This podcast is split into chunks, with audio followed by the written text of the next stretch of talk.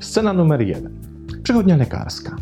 Jan Kowalski potrzebuje konkretnego zaświadczenia i siedzi grzecznie w poczekalni na wezwanie lekarki. W końcu wchodzi do gabinetu, siada i opowiada, jakie jest mu potrzebne zaświadczenie i po co.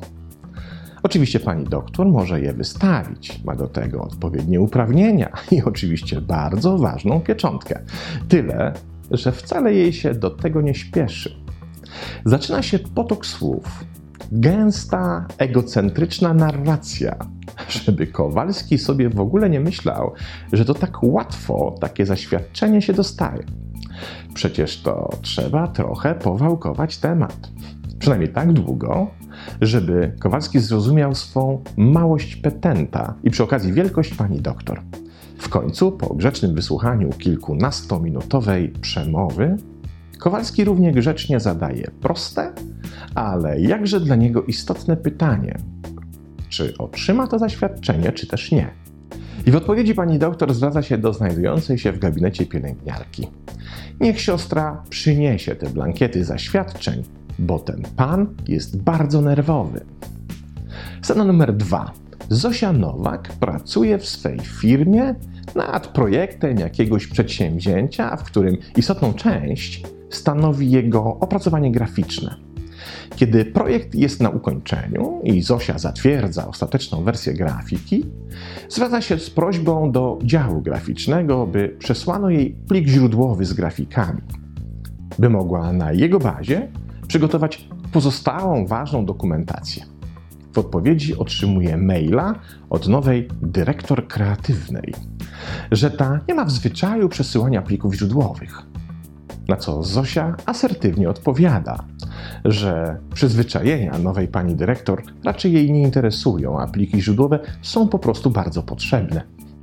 Dokładnie tak samo, jak to miało miejsce wielokrotnie przy wielu poprzednich projektach.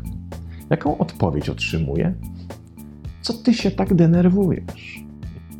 Scena numer 3. Mały Jaś stoi przy szkolnej tablicy. Nauczycielka przy całej klasie odpytuje go z domowego zadania.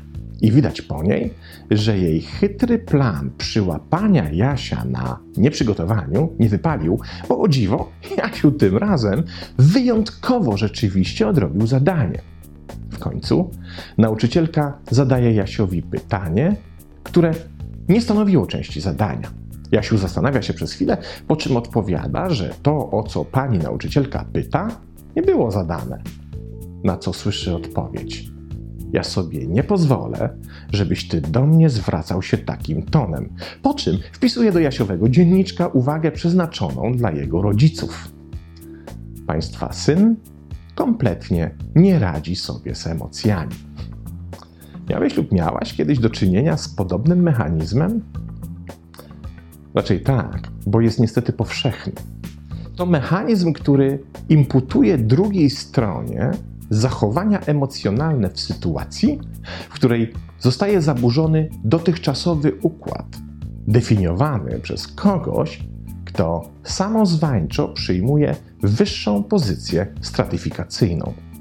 W pierwszym przykładzie była to pani doktor z przychodni, która w taki sposób zdefiniowała sytuację, by Jan Kowalski wiedział, gdzie jest jego miejsce w szeregu i by jednocześnie jej autorytet osoby decydującej o wszystkim w tejże przychodni został ponownie odnotowany przez pozostały personel. Jan Kowalski, pytając o to, czy otrzyma zaświadczenie, nie popełnił żadnego błędu. Jednak jego pytanie zredefiniowało sytuację, czyli odwróciło wektory wartości. Zadając to proste pytanie, Kowalski przerwał sekwencję udowadniania wszechwładzy pani doktor, a zatem naruszył fundament jej ego. I teraz to samo ego dokonuje sprytnej sztuczki, projektuje na Kowalskiego zachowania emocjonalne, bo to najlepszy sposób, żeby po pierwsze odwrócić uwagę personelu od zachwiania własnego autorytetu, a po drugie spowodować, że Kowalski z jednej strony poczuje się gorzej zacznie unikać jak ognia wszelkich zachowań, które by mogły potwierdzić, że się zirytował, a z drugiej strony jest to takie uderzenie w emocje, że w większości przypadków przynosi dokładnie emocjonalny skutek. Przecież jeśli spotkamy kogoś, kto nie jest zdenerwowany i powiemy do niego: Ty, co ty się tak denerwujesz? To istnieje duże prawdopodobieństwo, że ten ktoś teraz rzeczywiście się zdenerwuje. A zatem do tego momentu Kowalski nie był zdenerwowany, czym oczywiście wygrywał tę sytuację. Kiedy jednak sprowokowany przez lekarkę by się zdenerwował, natychmiast tę sytuację przegra, bo przecież zaraz usłyszy sakramentalne, a nie mówiłam, że się pan denerwuje? W drugiej sytuacji, z przykładem wykorzystania grafik w projekcie, mamy podobny mechanizm. Ktoś definiuje sytuację w interesie swojej pozycji firmowej, nie bacząc na to, że utrudnia w ten sposób innym życie. Kiedy ci inni, w tym wypadku Zosia, asertywnie upominają się o swoje prawa, natychmiast zostają zaatakowani emocjonalną diagnozą. Ile razy w takich sytuacjach słyszymy: Po co te nerwy? Nie podnoś głosu, ty sobie zupełnie nie radzisz z nerwami. W rzeczywistości jednak nie ma żadnych nerwów, ale ich pojawienie się jest w interesie tego, kto nam te nerwy zarzuca, bo wówczas energia uwagi zostaje przekierowana na emocje. A więc podstawowe źródło sporu odchodzi w zapomnienie. Jedynym zaś problemem staje się stan emocjonalny Zosi i na niej będzie ciążył teraz obowiązek udowodnienia, że nie działa w emocjach. Dodajmy, bardzo trudny obowiązek, bo strona przeciwna wypracowała sobie całą masę technik dewaluujących w stylu: No jasne, że ty tylko tak mówisz, przecież widziałam, że się denerwujesz. Nie próbuj tego ukryć, i tak dalej, i tym podobne. W trzecim przypadku dokładnie to samo robi nauczycielka wobec Jasia. Kiedy nie potrafi go przyłapać na słabości, którą sobie wcześniej założyła, a więc jej scenariusz nie jest realizowany, więc posądza Jasia o niegrzeczność, odpyskowywanie czy brak szacunku, mimo iż tak naprawdę w zachowaniu Jasia nie było żadnej z tych rzeczy. Mimo jednak, iż źródeł zarzutów nie było, same zarzuty są już jak najbardziej rzeczywiste i teraz to Jasiu ma problem, bo to na niego został nałożony obowiązek udowodnienia, że nie był niegrzeczny. Wszystkie powyższe przykłady łączy ta sama sekwencja. Najpierw więc mamy do czynienia z układem, któremu ktoś narzuca własną definicję sytuacji, z reguły definiując pozycję zależności. Lekarka pokazuje, że jest ważniejsza niż pacjent. Dyrektorka kreatywna niż projektantka, zaś nauczycielka jest ważniejsza od Jasia. Oczywiście ta definicja jest sztuczna, głównie dlatego, że jest jednostronna. A zatem druga strona staje w niej przed aktem dokonanym. Kolejny krok tej sekwencji wynika właśnie z powyższego. Ktoś, kto spotyka się z taką jednostronną, narzuconą definicją sytuacji, w naturalny sposób zmierza do jej zredefiniowania i zazwyczaj nie czyni tego z pobudek urażonego ego, ale z naturalnej konieczności zbalansowania układu praw, oczekiwań, szacunku i obowiązków. Z perspektywy Kowalskiego, to on powinien być szanowany przez lekarkę, bo przecież jej pensja płacona jest z jego podatków lub z opłat, które wniósł za wizytę. Z perspektywy projektanta przynoszącego zyski firmie, pani dyrektor kreatywna powinna go darzyć odpowiednim szacunkiem, bo między innymi dzięki jego pracy ona otrzymuje swoją pensję. Zaś Jasiu chce być szanowany przez nauczycielkę. Chociażby dlatego, że spędził wcześniejszego popołudnia wiele trudnych, nużących godzin, żeby rzetelnie opanować zadany materiał. Wszyscy ci powyżej opisani delikwenci będą więc redefiniować sytuację w obronie swojej autonomii i tak naprawdę w obronie szacunku do samego siebie. Przecież nikt nie lubi być traktowany w ten sposób. I teraz następuje trzecia część sekwencji kontratak. Pierwsza strona, lekarka, dyrektorka, nauczycielka, z jednej strony nie jest w stanie obronić dawnej definicji sytuacji, a za żadne skarby nie jest też w stanie zaakceptować nowej, dokonuje więc wolty przerzucenia ciężaru sporu na taki obszar, z którym druga strona będzie miała największy problem. Emocje do tego nadają się przecież znakomicie, bo wymaga to wielkiej wprawy, doświadczenia i naprawdę wielkiego spokoju ducha, żeby w ten sposób nie dać się sprowokować. Jak się zatem przed taką sytuacją bronić? Istnieje kilka strategii, bardziej lub mniej efektywnych, których dobór jednak powinien być bardzo przemyślany, bo rodzi to wiele konsekwencji i nie wszystkie z nich da się w prosty i oczywisty sposób przewidzieć. Strategia pierwsza zwarcie.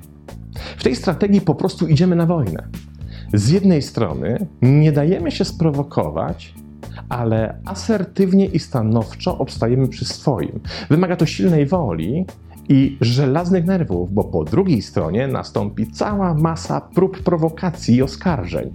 A im bardziej po drugiej stronie będzie tracony grunt pod nogami, tym próby postawienia na swoim będą coraz bardziej irracjonalne i rozpaczliwe. W końcu w ten sposób burzymy czyjś misternie skonstruowany świat, a to zawsze jest bardzo bolesny proces. Niestety nie jest to najlepsza strategia, bo nawet jeśli uda się wygrać bitwę, to przed nami zostaje jeszcze cała wojna. Przecież właśnie wyhodowaliśmy sobie pamiętliwego wroga, który może wykorzystać każdą nadarzającą się okazję do zemsty. Strategia druga odebranie siły. To przyjęcie na siebie odpowiedzialności za emocje z jednoczesnym, kompletnym brakiem ich okazywania to jedna ze strategii, której druga strona się kompletnie nie spodziewa. Mówimy tak. Ta sprawa jest dla mnie bardzo ważna, więc trudno, żeby nie wywoływała we mnie emocji. Czy możemy wrócić jednak do meritum naszej dyskusji i znaleźć rozwiązanie satysfakcjonujące obydwie strony?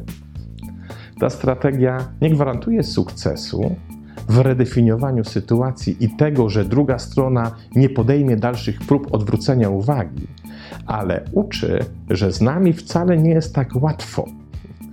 Strategia trzecia nakarmienie ego.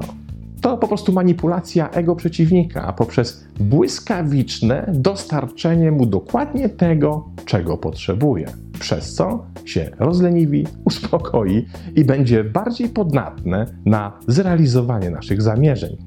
W przypadku lekarki byłaby to szybka narracja doceniająca wagę jej decyzji. Potwierdzenie tego, czego się domaga, czyli usankcjonowanie jej pozycji autorytetu w przychodni. W przypadku projektantki to natychmiastowe docenienie pozycji dyrektor kreatywnej i takie manipulowanie narracją, by uzyskać to, czego się oczekuje, okrężną, poza oficjalną drogą. I to w taki sposób, by dyrektor sama to zaproponowała. Zaś w przypadku Jasia to błyskawiczne przyznanie racji nauczycielce. A tu mnie pani złapała. Na to pytanie rzeczywiście nie znam odpowiedzi. Wówczas nauczycielka, usatysfakcjonowana tym, że wymyślony przez nią scenariusz przebiega zgodnie z założeniem, najprawdopodobniej odstąpi od zemsty. Niestety żadna z powyższych strategii nie jest idealna, bo w takich przypadkach nie ma szybkich i magicznych sztuczek rozwiązujących każdy problem. Jednak sama świadomość nie tylko istnienia opisywanego wyżej mechanizmu, jak i źródeł ludzkich motywacji, które za nim stoją, może być wielce uwalniająca i co najważniejsze, stanowić świetną broń przed tym, by stając w obliczu, obliczu zarzutu o emocjonalność, nie dać się sprowokować. Pozdrawiam.